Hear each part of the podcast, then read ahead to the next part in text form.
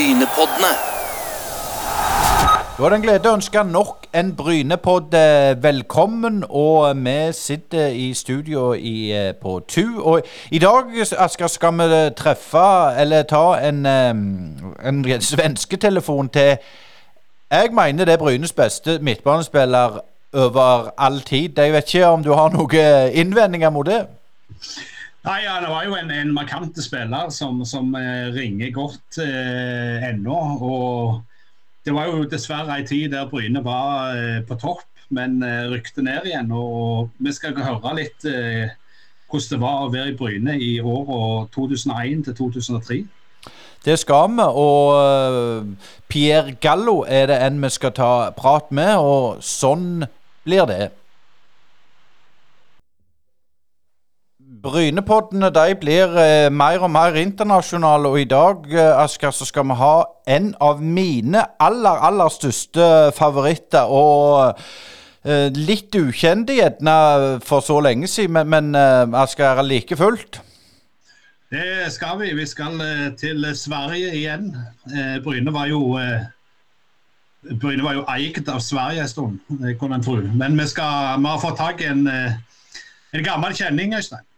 Det har vi, og hjertelig velkommen til Brynepodden, Pierre Gallo. Tack så hemskt mycket. Roligt att vara med. Ja, jeg må jo bare fortelle litt det, Pierre. Jeg blir litt sånn eh, Ja, jeg får sånn godfølelsen, for du var en spiller som jeg eh, så veldig opp til når du var i Bryne. Du var fantastisk god, den, eh, særlig den andre sesongen, og det skal vi jo snakke litt om etter hvert. Men veldig, veldig hyggelig at du kunne bidra, Pierre. Ja, fina ord av dig. Eh, så det ja, mig eh, att höra. Eh, och jätteroligt att vara med här i podden. Men eh, Pierre, jeg, jeg, har lyst til å begynne med litt eh, historikk her. Altså, Du er født i 1975, så vi husker omtrent det samme i, i fotballsverden. Men jeg har lyst til å begynne å spørre litt om altså Når du var ung, ung og talentfull spiller, du dukket opp i norske aviser i 1992 eh, med et, et, mål mot Norge på en eh, U16 eller 17-kamp. Men, men, altså det Sverige som, som, du vokste opp i sånn fotballmessig, altså IFK var jo på høyden og sånn. og Hvordan var det å være ung spiller, lovende spiller i Sverige på den tiden på 80-tallet? Eh, ja, 90-talet blir det lite. Eh, eh, så att 80-90-talet. Um, ehm, ja, vad ska man säga? Det är en, man kan ha en väldigt lång utläggning om det. Men man kan väl säga så här att man har fått lite större perspektiv nu när man blivit äldre och spelat väldigt mycket fotboll genom åren. Uh, jag vet inte riktigt hur det var i Norge, men i Sverige så var det uttalat väldigt, väldigt mycket 4-4-2, att alla lag spelade ungefär på samma sätt. Så man är uppvuxen med det med det systemet, eh, det tankesättet. Och det präglade väl egentligen hela min karriär lite grann ända fram till att man blev, eller eh, hela vägen fram till 2000 skulle jag säga. Då blev det en, eh, jag ska inte säga att det blev en radikal förändring i, eh, i svensk fotboll, men det började faktiskt hända lite saker, att andra, eller tränare började testa andra saker. Ehm, och så här, med facit i hand så gynnade det nog mig eh, som fotbollsspelare. Eh, med de egenskaperna jag ha, hade, ska vi säga. Jag har inte dem längre, men eh, det var väl det egentligen. Alltså väldigt mycket sådär laganda och det, det ska det vara fortfarande såklart, men väldigt mycket systembundet till 4-4-2 i svensk fotboll under 80 och 90-tal skulle jag påstå.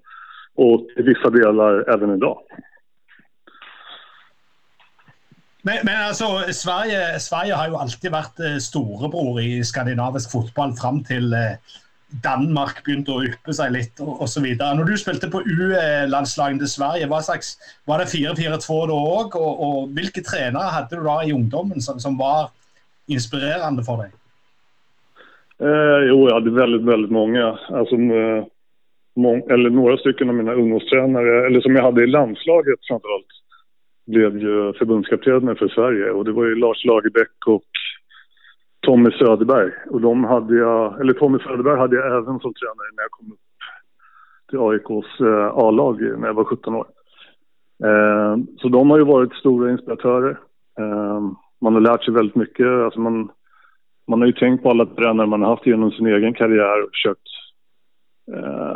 ja, komma ihåg lite grann och liksom ta efter nu när man siktar på en egen tränarkarriär också. Så att eh, man försöker plocka lite godbitar från var och en som man har haft genom åren. Men, men eh, du sa du, du debuterade på AIK som 17-åring, och AIK är ju det gamla arbetarlaget i, i, i Stockholm. Eh, senare spelade du för Djurgården som väl är rivalen. Men, men kan du säga lite om eh, om, om hur svensk allsvenskan fungerade på den tiden du debuterade. Var Sverige ännu det bästa? Alltså det var ju för Rosenborg på den slags. Nej, precis. Alltså jag tror att svensk fotboll var väldigt långt fram, men det var absolut inte professionell.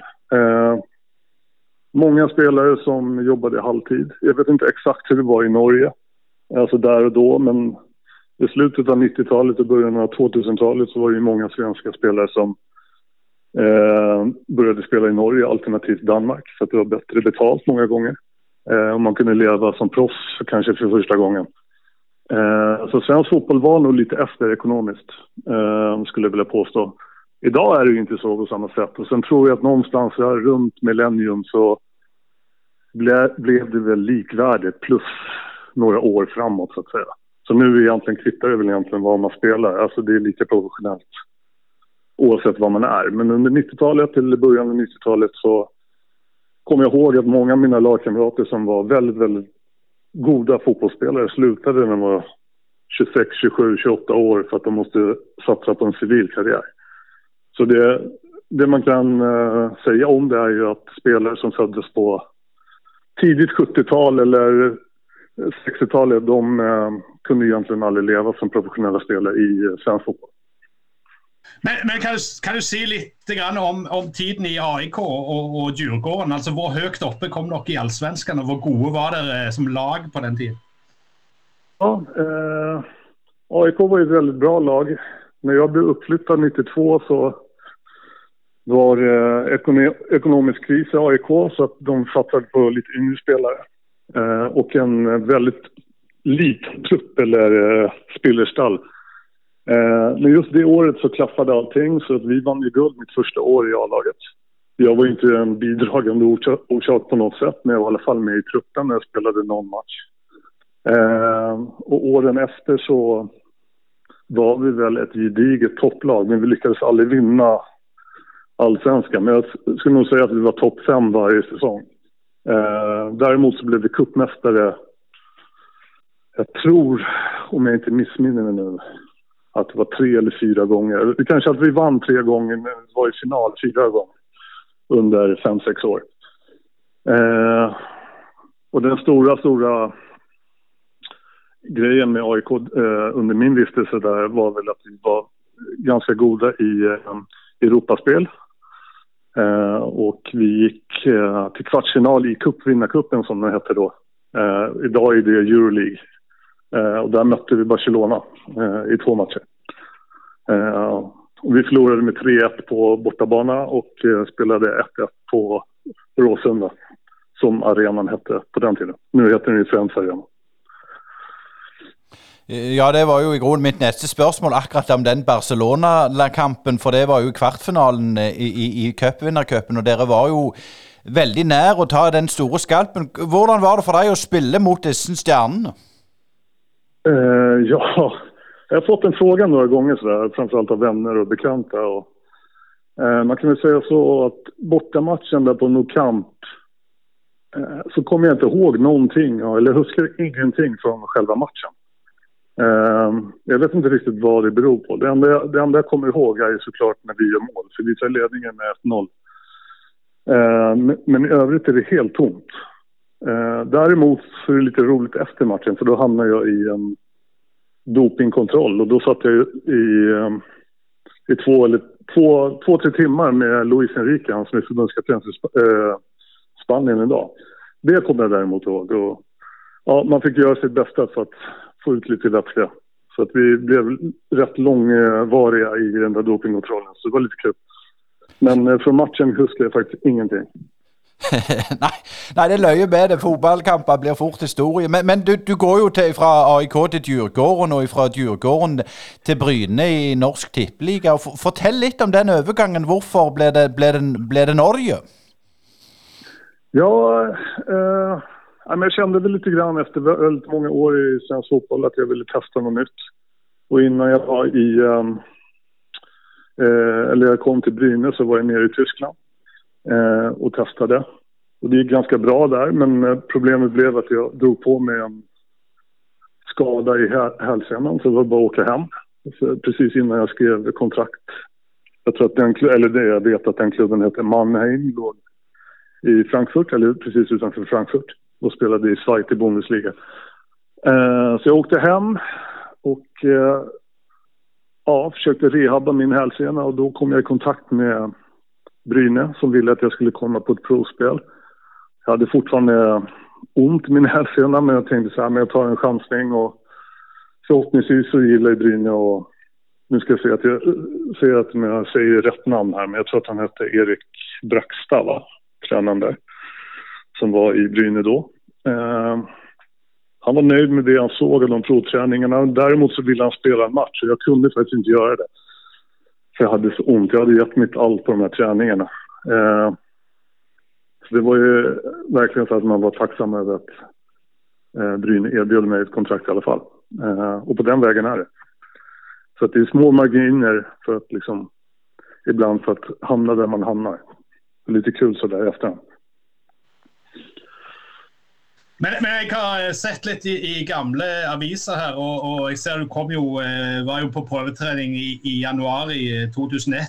Eh, eh og Brakstad var, som, som, du sier, trener. Eh, du som var oppvokst i, i storbyen Stockholm, altså, hvordan var det på følelsen å komme til Jæren og Bryne i, i januar? Mørkt og, og trist og, og kaldt. Ja, det var en väldigt stor skillnad. Eh, däremot så blev det väldigt bra mottagen. Eh, jag kommer ihåg att jag, första eh, tiden i Brynäs så fick jag bo hos en lagkamrat. Jag bodde hos en Anders Friberg som spelade i Brynäs. Jag bodde väl där i någon månad innan jag hittade eget hus. Eh, sen tycker jag att det var lätt att komma in i laget och så eh, Det var absolut inga problem. Det enda som var svårt det var egentligen språket. Eller, så här, eller språket, norska, er norska, eller nynorska eller vad man säger. Eh, eller dial dialekten var väldigt jobbig för mig i början. Men eh, det löste sig till slut också. Jag tror att jag sa va eller ursäkta hundra gånger per dag första två, tre månaderna i Brynäs. Men sen till slut så lärde man sig i alla fall och det var ju jätteskönt. Eh, men sen som du är inne på liksom med Brynäs jämfört med Stockholm är ju en skillnad. Men jag trivdes väldigt bra eh, och min sambo trivdes också väldigt, väldigt bra. Jag tycker att vi kom snabbt in i det. Så att, nej, det var liksom, jag tycker snarare att det var lite skönt att lämna Stockholm och komma till en ny miljö. Mer så kände jag. Men, men hvordan var det for dig? Nu var jeg knota lite og snakke lite pent, så du förstår mig, Pierre. Men hvordan var det når, når, når Brakstad fikk, fikk, eh, måtte slutte, eller fick sluttet ganske kjapt? Var det en overgang att få en ny tränare så kjapt? Nej, jag skulle nog påstå att, eh, och det är absolut inget illa ment eh, om Erik om han skulle lyssna på det här, utan det handlar om att det var olika, olika filosofier i fotboll. Eh, jag kommer från Djurgården som spelade en helt annorlunda fotboll än vad Erik ville. Så det var en väldigt stor skillnad för mig och det var svårt att komma in i det. För det var mycket fokus på att det skulle gå så snabbt i djupled och sådana saker. Och en stor skillnad i duellspel som det jag var van vid. Um, och samtidigt så var ju resultaten inte så bra. Så tyvärr är det ju ofta tränaren som får gå. Eller det är ju tränaren som får gå. Uh, men jag tyckte väldigt mycket om honom som person och sådär. Uh, så det var absolut ingen fara så. Men uh, jag behövde tid för att anpassa mig till eh, norsk fotboll och komma in i det. Eh, om jag ska vara helt ärlig så tyckte jag väl att det tog lite längre tid än nödvändigt. Men ja, jag behövde den tiden eller den säsongen för att komma in i eh, norsk fotboll på ett bra sätt. Så själva skillnaden blev väl att eh, Reine kom in som tränare och han trodde på mig i en annan roll. Med Erik så spelade jag på kanten och Reine ville ha mig centralt och det det ville jag ju själv också. Jag har alltid sett mig som en centralspelare.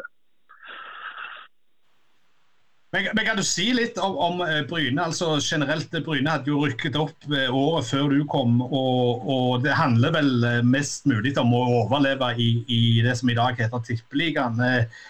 Var det òg den kjenslen dere hadde, at det handler bare om å overleve? At dere ikke kunne se så langt opp på tabellen, f.eks.?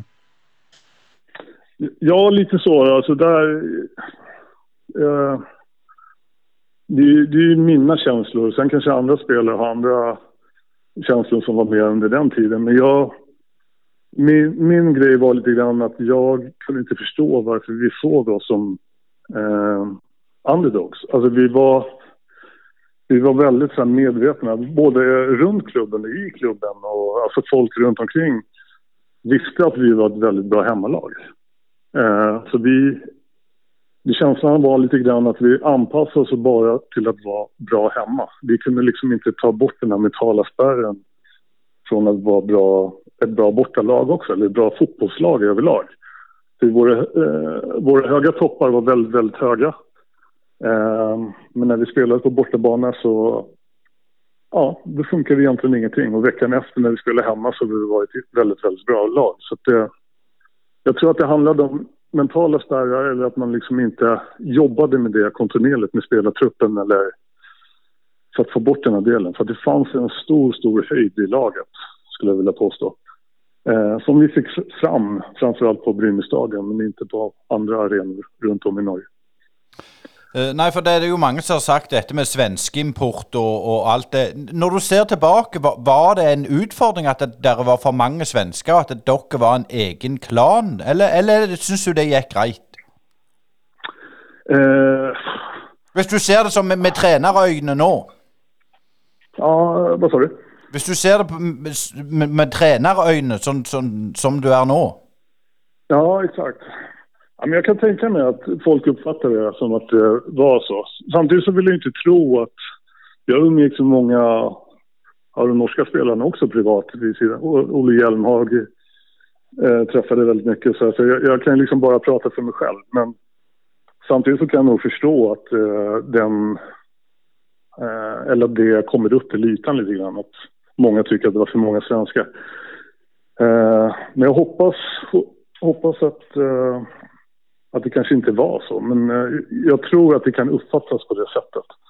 Ehm, det är svårt att svara på, jag vet liksom inte. Men eh, det är möjligt att det eventuellt var någon eller några spelare för mycket. För att det liksom ska vara optimalt. Men, men, men, kan du säga lite om, om Reine? Du, du, kände väl han från svensk fotboll från før av. Eh, vad var det Reine tillförde Bryne, sett från ditt ståsted? jag tycker framförallt Reine tillförde eh, med, med, med, sitt sätt att vara. Han försökte eh, professionalisera klubben som helhet. Det låter ju löjligt idag, men på min tid var det inte riktigt så. Då kunde vi träna väldigt mycket. Eller så här, vi tränade i olika kläder och sådana saker. Eh, han införde väl att det skulle vara... Alla har likadana träningskläder och, och så vidare och så vidare. Så att vi såg ut som ett lag det var ju faktiskt inte så när vi kom. Eh, och sen så här, fotbollsmässigt så var det ju... Jag ska inte säga att det var en jätteskillnad, men det var ändå en skillnad gentemot vad Erik ville ha innan. Eh, jag tycker själv att eh, Reine införde någonting som gjorde att vi blev ett mer spelande lag och vågade ha bollen under längre perioder. Eh, och sen tror jag att han fick... Eh, han fick liksom och spelare att dra åt samma håll lite grann. Jag säger inte att Erik inte fick det, utan jag kan bara konstatera att vi eh, låg väldigt illa till eh, första säsongen när han kom in där och eh, det löste sig och år två blev väldigt, väldigt, väldigt bra. Eh, så att jag tycker att han gjorde ett väldigt, väldigt bra arbete i, eh, i klubben när han var där. Eh, ja, Pierre, du var jo litt sånn så der i den første sesongen, men andre sesongen så var du jo on fire og, og var vel assistkonge i, i Eliteserien eh, fram til sommeren, hvis jeg ikke husker helt feil. Og, og, det var snakk om at du skulle inn på landslaget eh, for, for Sverige. og Når du ser tilbake, hvordan var den tida? Var det sånn du, du svevde på ei sky? For da var det, det jeg, jeg husker det, du, du, var utrolig god i den perioden.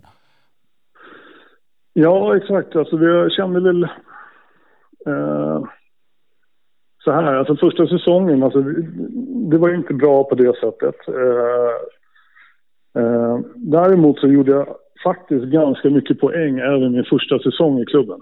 Eh, och då visste jag någonstans att jag, jag vet att det kommer släppa, jag kommer komma in i det. Och sen bestämde jag mig år, eller säsong två där i Brynäs att eh, jag kommer träna ofantligt mycket.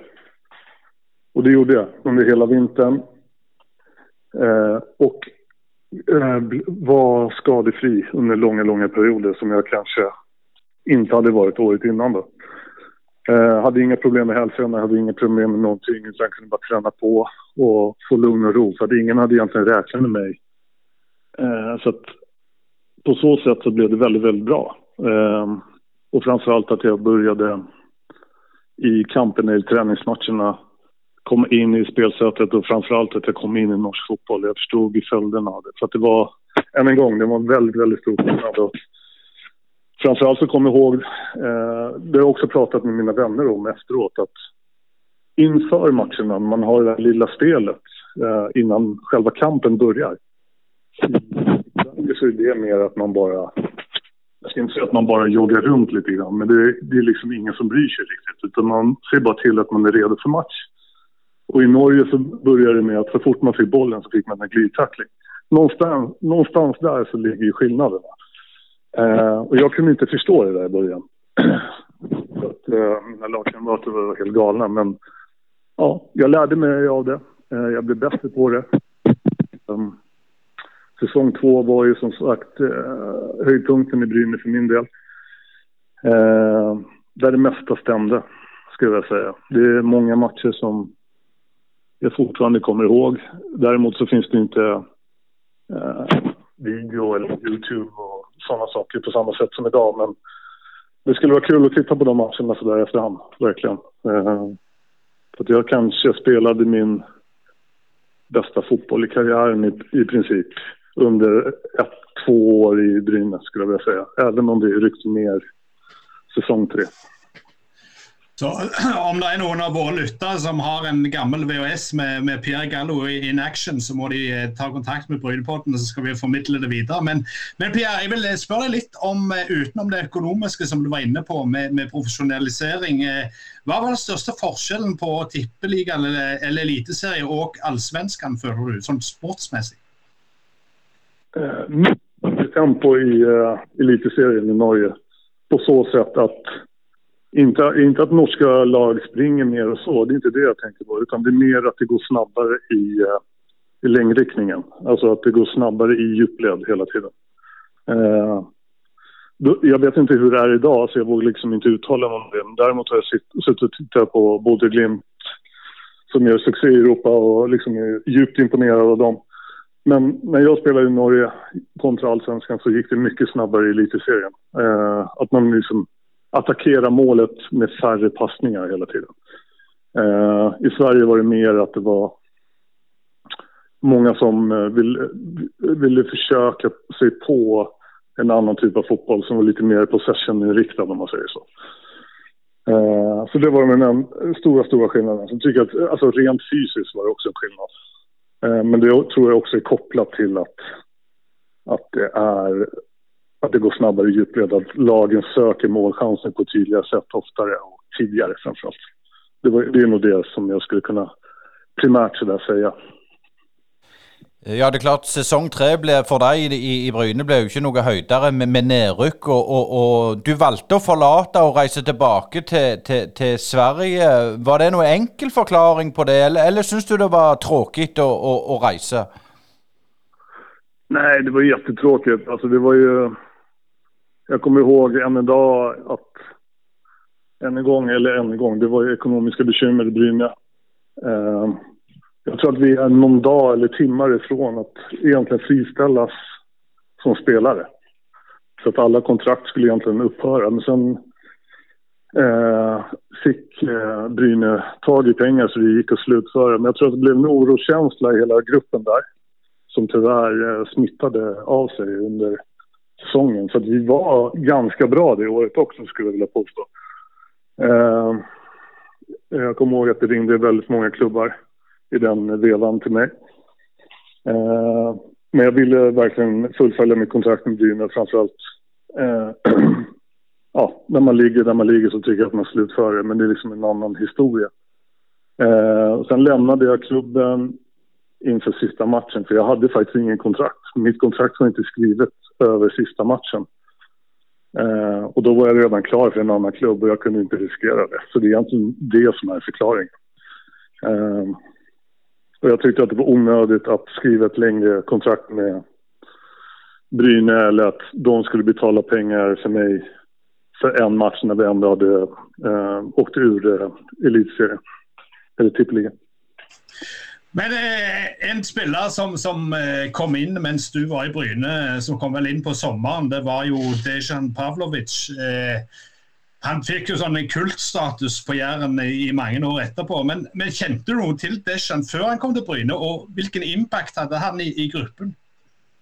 Eh, nej, jag kände inte Dejan alls, utan jag hade bara spelat mot honom. Han spelade i Malmö. Eh, men jag hade liksom ingen... Eh, att han var en vän eller så. Vi hade aldrig pratat med varandra. Men han var ju...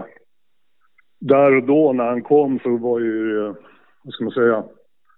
Jag skulle säga att han är den stora förklaringen till att vi klarade oss kvar första säsongen i, äh, i Brynäs. Äh, definitivt. Så att han kom in med ett jäkligt bra självförtroende och sen framförallt en väldigt god fotbollsspelare. Det får man ju heller aldrig glömma. Och alla de här problemen, eller problemen äh, på så sätt att vi inte hade vunnit matcher. Han hade, han, han hade inte varit med om det. Så att han kom in på ett helt annat sätt och oh, gör det jätte, jättebra. Så många av oss spelare tog ju rygg på honom. Och um, skulle nog vilja påstå att han jag ska inte säga ensam, men han en väldigt stor anledning till att vi klarade kvar det och att vi kunde ta det vidare, liksom, eh, säsong två. Eh, och bli ett väldigt, väldigt bra fotbollslag. Eh, men som sagt, etter Bryne eh, så, så ble det Landskrona och, och Norrköping. Och etter Bryne, følte du selv at det gikk nedover med karrieren, eller klarte du å levere i, i Landskrona og Nordkjøping? Eh, både och skulle jag säga. Det, I Landskrona så blev jag inte långvarig utan jag var där i tre månader. Eh, och det handlade mer om en fa eh, familjär situation, att min dotter flyttade upp till Stockholm igen. Eh, och jag ville inte bo i Skåne då, som är väldigt, väldigt långt ifrån. Så jag bytte klubb efter några månader bara till Norrköping. Eh, och där gick det väldigt, väldigt bra för mig. och jag spelade väl Alltså jag var väl egentligen i samma form som jag var i ehm, ehm, eh, Bryne. Eh, till jag blev ordentligt skadad. Jag drog på, eller fick en knäskada och var borta från spel i egentligen ett helt år. Ehm, så det var ju, det var verkligen eh, värsta tänkbara tidpunkt kan man väl säga sådär. Men det är väl så att skador kommer aldrig i bra lägen utan det är bara att acceptera. Men där och då var det väldigt, väldigt jobbigt för mig. Eh, och sen var det en lång, lång rehabprocess. Eh, eh ehm, och sen var jag tillbaka då eh, inför min sista säsong i Norrköping som jag spelade och gjorde det ganska bra. Och sen flyttade jag ännu närmare mot min dotter då. Flyttade till Uppsala och spelade i ett lag som heter Sirius som är allsvenskan idag. Och då spelade de i eh, andra divisionen när jag gick dit. Så jag spelade fem år i Sirius efter eh, Norrköping kan man säga. Men eh, når fant du ut at eh, var det mens du var skadet at du å tenke i det bane at du ville bli fotbolltränare eller kom det senare? Eh, jag skulle säga att det, det, det alltid legat där någonstans. När man är ung och lite yngre så, så tänker man inte så mycket på det. Så när man blir äldre så tänker man mer på hur det är att bygga, hur lag, alltså, lagandan, hur det är att liksom ta instruktioner och sådana saker. Man blir, alltså, som alla säger så blir man ju smartare med åren. Eh, och det gäller väl även mig tror jag. Eh, Så det var, det var liksom ett intresse som började födas lite grann. Alltså någonstans runt, ska vi säga, 30. Eh, när jag var 30 ungefär. Att det här är nog något jag vill hålla på med. Eh, sen visste jag inte i vilken utsträckning. Eh, men jag spelade i alla fall, som jag sa, fem år i Sirius. Sen gick jag till en mindre klubb i, i Stockholmsområdet som spelade i division 1. Och där blev jag assisterande spelande tränare mitt första, min första säsong. Och sen blev jag assisterande tränare och sen var jag lite fast i det. Eh, att jag ville bli tränare. Jag tyckte att det var väldigt kul. Då började jag gå eh, diverse utbildningar som förbundet har. Jag har inte gått alla, men jag har gått eh, de som jag i, i princip kan komma in på med de jobb jag har haft inom fotbollen. Eh, och sen har jag hållit på, sen, jag slutade när jag var 37 år att spela aktivt. Eh, och sen dess har jag väl varit tränare kan man säga. Eh, och det jag också har tänkt på när, under min tränarkarriär är att jag ville inte hoppa på huvudtränarjobbet på en gång, eller för tidigt, utan jag ville verkligen vara med och lära lite grann under några år. Så att jag har jobbat som assisterande i olika utsträckningar från och till under några års tid. Eh, och sen då har jag även varit huvudtränare. Men jag trivs i båda rollerna. Eh, däremot så ser jag väl kanske mig nu mer som huvudtränare än vad jag gjorde för några år sedan. Ja, for jeg ser jo du har bl.a. vært assistentmanager i Brommerpojkarna, og, og, og, du har vært hovedtrener i eh, Carl Berg. Og, og, Den prosessen der å gå fra på en måte assistenttrener til trener, er, er det en, en, lang prosess der? For du sa du var litt opptatt av at du skulle være assistent i, i, i, i starten for å lære. Hvor viktig tror du det er? Jag tror att det är väldigt viktigt. För att annars blir det øh, så. Jag tror att man kan associera mig eller om man hoppar på för tid. Nu, nu pratar jag bara utifrån mig själv. Sen är det någon annan som gör något annat. Men det här var vad jag kände i alla fall. Att jag ville vara med, eh, jag ska inte säga se och lära, men jag vill i alla fall att de som jag tränar eller med och tränar ska inte associera mig som fotbollsspelare Pierre. är. Utan det blir mer att jag ska lära mig hur man ska föra sig, hur man ska vara som tränare, hur man ska ha en dialog med spelare. Eh, för det här är någonting som man egentligen aldrig kan lära sig alltså fullt ut. Man kan bli bättre på det, men det finns alltid någonting man kan lära. Eh, och det tyckte jag var väldigt, väldigt viktigt. Eh, att liksom gå den skolan. Att eh, på något sätt komma under hur jag vill bli som eh, tränare den dagen jag blir huvudtränare. Eh, samtidigt så kan det också vara så att man trivs väldigt bra i assisterande rollen. Och jag vill också vara fullt medveten om vilken position så att säga i ett fotbollslag som jag trivdes bäst med. Om det var assisterande eller om det var någon bollplank eller huvudtränare. Så det var egentligen min tanke med det. Och nu är jag ganska... Eh, ja, några år senare så är jag väldigt säker på vad jag vill. Eh, och det lutar, väl, eller det lutar mer åt man liksom, att man vill vara huvudtränare. Det är det jag strävar emot. Eh, ungefär så har mina tankar gått. Liksom. Men, men Pierre, i, i, Norge så er det jo litt sånn at uh, man får kanskje sjansen i, i Obos-ligaen, altså nivå to eller tre, og så gjør man det bra der eller ikke så bra. Men hvis man ikke klarer å ta et lag opp en divisjon, og sånn, så har man den ene sjansen. Hvordan er trenermarkedet i Sverige? Er det, er det vanskelig eller svårt å få et, en jobb i fotballen på fulltid? Ja, det är likadant där. Alltså det är vi brukar säga det skämtsamt att det är väldigt, väldigt många fotbollstränare men väldigt få jobb. Och det ligger ju någonstans i det, en sanning i det. Eh, så det är lite grann att man bör få chans, eller man får chansen i kanske en lägre division och som du är inne på, man bör ju lyckas. Sen, sen är det liksom definitionen av att lyckas, om det bara handlar om att vinna eller om man utvecklar ett lag. Eh, och det är väl det här det svåra är liksom. Eh, det finns nog väldigt, väldigt goda eh, tränare i lägre divisioner i Norge liksom i Sverige, men som aldrig får chansen. Så att, eh, ja, det är som allt annat i livet liksom, lite grann att man, man får leta, man får kämpa och sen kanske en dag så dyker upp liksom det som man har drömt om. Det är väl lite så. Eller så lyckas man vinna och liksom tar det laget man har väldigt, väldigt långt i divisionerna. Det kan ju också vara ett alternativ. Eh, så jag skulle nog säga att det är ungefär likartat i Norge, Danmark och Sverige. Det tror jag. Eh, nå sist har du jo vært i Hammarby, og eh, Zlatan Ibrahimovic er jo en av eierne av klubben. Kan, kan, du si litt om det forholdet mellom Zlatan och Hammarby? Eh, ja, det var ju väldigt uppförstorat i medier. Eh, framförallt då att han hjälpte Hammarby, inte Malmö, eh, som han är, är ifrån.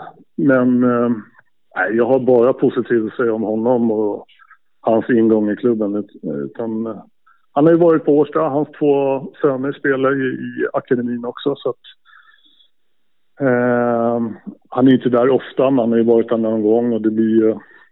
Jag skulle säga så att det blir ett jäkla, jäkla stort för alla barn, ungdomar i föreningen när han står och kollar på träning och sådana saker. Så att, utifrån det så är det ju jätte, jättepositivt ska jag säga. Sen eh, det andra, det affärsmässiga eller vad det är han gör i Hammarby, det har jag faktiskt ingen aning om. Eh, så jag vet inte. Men utifrån det jag har sett och liksom hört och när jag väl har pratat med honom så har jag bara eh, positiva saker att säga. Det er jo òg rykte at Hammarby sin hovedtrener er aktuell for eh, Rosenborg. Eh, er det noe du Hvor mye vet du om det? Eh, nej, jag vet inte mer än vad som står i aviserna heller. Utan jag har ju också hört det. Eh, jag vet inte vad jag ska säga. Det låter lite... Ja, jag förstår väl att det är så. Om Rosenborg vill ha en ny tränare så har de eh, möjligheten att skaffa den de vill ha så att säga. Samtidigt som har, har ju ja, Milo som han heter, han har ju bara varit i Hammarby ett halvår så att jag kan tycka att det är lite märkligt att det blir en sån snabb förändring. Men jag lägger ingen värdering i det utan det får ju klubbarna eller han bestämma själv såklart. Eh, men jag kan inte säga så mycket mer om det, den saken än så egentligen. Eh, men for, for, din del, Pierre, så, så, er jo du på vel utgående kontrakt nå i Hammarby. Og, og litt om din egen situasjon. Er det noe du ønsker nye, nye mm, eh, prosjekt, projekt, eller, eller mm, hva tenker du om framtiden? Eh, ja, en bra fråga. Jo, men självklart är det. Uh, och framförallt tror jag min... Eh, jag känner väl lite grann att det kanske är dags att testa något nytt eller våga göra det. Min dotter har blivit stor nu. Eh, hon är vuxen, hon är 18-19 år snart. Så att, eh, det kan vara läge. Liksom, jag är inte bunden på det sättet längre. Eh, så det skulle verkligen vara trevligt att liksom testa något nytt. Samtidigt som det kan vara väldigt kul och, eller skoj att vara kvar i Sverige också. Eh, men jag är öppen för egentligen det mesta. Så det skulle vara jättetrevligt om eh, man hittade någonting som passade framöver. Men eh, tränare vill jag vara. och Jag liksom letar efter ett projekt som skulle liksom passa mig bra, tror. Vi har ju haft i, i podcasten här eh, mycket prat om akademi i Norge, och, och, och, och varit inom både Danmark, eh, Island, Färöarna och England. Och hur mycket fokus är det på akademiklassificering i, i svensk fotboll? Det blir större och större och det blir liksom större och större krav hela tiden. Eh, jag pratade med akademi, eller, eh, certifieringsansvariga som det heter, eh, som är inom Hammarby. Att för fem, sex år sedan så kanske det var, vad vet jag, nu kanske jag är helt ute och cyklar, men det kanske var 20-30 punkter som, som en akademi skulle eh, tillgodose så att säga. Eh, men idag är det ju eh, jag vet inte hur mycket papper och hur mycket saker du ska göra för att kunna klassa dig som en femstjärnig akademi. Så det är verkligen, alltså det går inte att jämföra bara på vad som har hänt för fem år sedan och idag. Liksom det, det är två olika världar. Eh, så det är, en, det är en väldigt viktig del av svensk fotboll idag, eh, akademierna.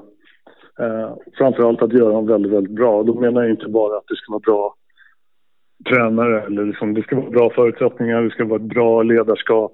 Eh, det ska vara en plats för spelare att i lugn och ro utvecklas även fast de är väldigt, väldigt duktiga och liksom satsar och, och sådana saker. Det ska så mycket som möjligt inte finnas den typen av press på yngre spelare. Det tror jag är väldigt, väldigt viktigt faktiskt för att man ska i slutändan få fram, få fram så bra fotbollsspelare som möjligt. Men eh, du Pierre, eh, som, som oss, er vel et, et, barn av det såkalte planet. Altså å spille ute i gatene eller i, i, den dårlige banen bak huset. Eh, Denne utviklingen eh, Mister vi noen talent på veien når alt blir strukturert og satt i system som akademiet gjør? Ja, den frågan har vi också pratat väldigt mycket om. Och det... Jag vet faktiskt inte. Alltså det stora farhågan tycker jag det är att, det, att fotbollen börjar, att det börjar bli ekonomi i det. Jag tycker att det, för det, det kostar ju pengar att vara med i akademier. Eh, vare sig det är i Sverige eller Danmark eller Norge antar jag. eh, så det, det, tycker jag är det tråkiga eller kedliga med akademier. Men samtidigt så kanske det är någonting som måste ske för att eh, det ska finnas bra tränare på plats det som är positivt, alltså om man ser till sig själv eller till oss som spelar på gatan, är ju att yngre spelare får väldigt skickliga tränare i tidig ålder. Och det kan ju faktiskt inte vara fel, tänker jag. Eh, så det, det, är väl både och. Jag förstår precis hur du menar. Eh, och sen lilla orosmolnet är väl kanske då att det blir väldigt uppstyrt eh, och att spelarna tröttnar längs vägen att, uh, att, det inte var, eller att det inte är lika fritt som det eventuellt var när vi var yngre och sådana saker. Det är väl det som jag känner är kanske den stora faktorn, att uh, där kan det gå lite fel. Men uh, på det stora hela så tror jag att akademierna, om de sköts på ett rätt sätt, korrekt sätt, är en väldigt bra väg att få en väldigt bra och god fotbollsutbildning på. Men det, var jo ganske eh, mange svensker i Bryne på tidlig 2000-tallet. Eh, har du truffet noen av dine gamle lagkompiser i, i fotballen senere? Eh, jag har stött på, alltså jag är god vän med Marcus Andreasson som spelade i Bryne. Eh, så han och jag brukar ibland eh, prata. Eh, men eh, det var väldigt, väldigt länge sedan jag träffade någon. Peter Olsson har väl också liksom snackat någon gång med och sådär och träffat någon gång. Eh, Likaså med Dejan och Johan. Men det var många år sedan nu. Jag tror att ja, jag har familj, de har familjer. Eh, inte för att man inte kan prata med varandra ändå, men ja, det blir mer, mer sällan liksom, mellan tillfällena. Eh, men jag och Marcus brukar höras då och då i alla fall. Eh, så att, eh, ja, det är väl han i sånt fall. Eh, ja, Pierre, det er mange som husker deg eh, i tiden i Bryne. Og eh, du hadde litt utfordringer med ulike ting. og Hvordan går det på det personlige plan? Går det, går det bra med Pierre Gallo? Ja, det tycker jag.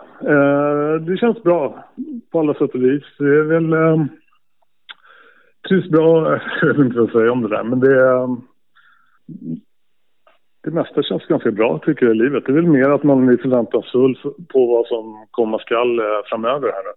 Det är alltid så när man letar nytt jobb eller liksom eh, man har sina funderingar och sådana saker och sina drömmar. Och det är väl mer det. Annars så eh, finns det väl lite andra planer om det inte skulle bli så att det blir något fotbollsjobb. Att man börjar studera eller någonting sånt. Att, eh, det känns bra. Så det är bara att kämpa på. Eh, men jeg tenker helt til slutt, Pierre. Du, dine, eh, din far er vel oppvokst i Italia, hvis jeg ikke tar helt feil, og de ble europamestere. Følger du med på, på landslagene? Ja, eh, jag var faktiskt i Grekland eh, under eh, fotbolls-EM på semester med min sambo. Eh, så att man kan väl säga som så att Italien ligger mig väldigt, väldigt nära om hjärtat. Eh, framförallt när det gäller fotbollslandslaget. Det är nästan så att jag hejar på dem mer än jag hejar på Sverige. Det låter väldigt märkligt men eh, lite så är det. Så jag var väldigt glad att eh, Italien eh, lyckades vinna där. Jag tycker att de faktiskt var, eller faktiskt, de var det bästa laget fotbollsmässigt också. Så det var fullt välförtjänt att de vann igen. Så att, eh, det var en stor dag nere i Grekland när Italien vann. Eh, det var utrolig kjekt å snakke med deg, Pierre. Jeg har alltid sagt Brynes eh, svar på Del Piero. Eh, tusen hjertelig takk for du stilte opp i, i Brynepodden, og masse lykke til videre med managerkarrieren, eller hva den blir. Ja, tack så hemskt mycket. Det var jättekul att vara med också. Stort tack. Jeg håper du har hatt en fin stund sammen med oss i Brynepoddene. Og Pierre Gallo han leverte varene. Eh, gjerne litt skorete eh, linje fra Sverige. Men eh, uansett, utrolig kjekt å høre hva, hva han hadde gjort både før og etter tida i, i, i Bryne, Asker. Ja, veldig artig. Og, og som eh, du var vel kanskje litt tettere på Bryne i de åra òg enn jeg var. og det er jo fascinerende å høre storyen til Pierre Gallo, men òg hvordan norsk fotball var mye mer attraktiv enn den svenske fotballen på den tiden. Ja, Det er jo grunnen utrolig hvordan det har endra seg. Altså, nå er, det, nå er, det, vel ja, Jeg vet ikke om det er motsatt, men du har Malmö som er i, i Champions League. Så, så, svensk fotball er virkelig on fire for tida, med mye folk på tribunene. Og, og tror du Asker, vi kan komme tilbake til de tilstandene i Norge? Jeg, jeg, er litt usikker. Eh, på sikt eh, kan det kanskje gå, men, men eh, som Magnus Johansson var inne på når vi snakket med han, så, så, er det jo en del nordmenn som begynner å spille i klubber i utlandet og gjør det ganske bra. så Helt mørkt er det jo ikke, men allikevel Sverige er et større land, og de har jo dypere Det er jo storebror i skandinavisk fotball. Det er det, men det er ingen som eh, kommer til å bli så god som Pierre Gallo var på Bryne. Det er min spådom. Det var utrolig kjekt. Det var stas å høre hva, han gjorde nå. Eh, det var det vi hadde, og tusen hjertelig takk for at du fulgte oss på Brynepodden. Og følg oss på våre sosiale medier. Twitter, Facebook, YouTube og Podbean-app. Brynepoddene.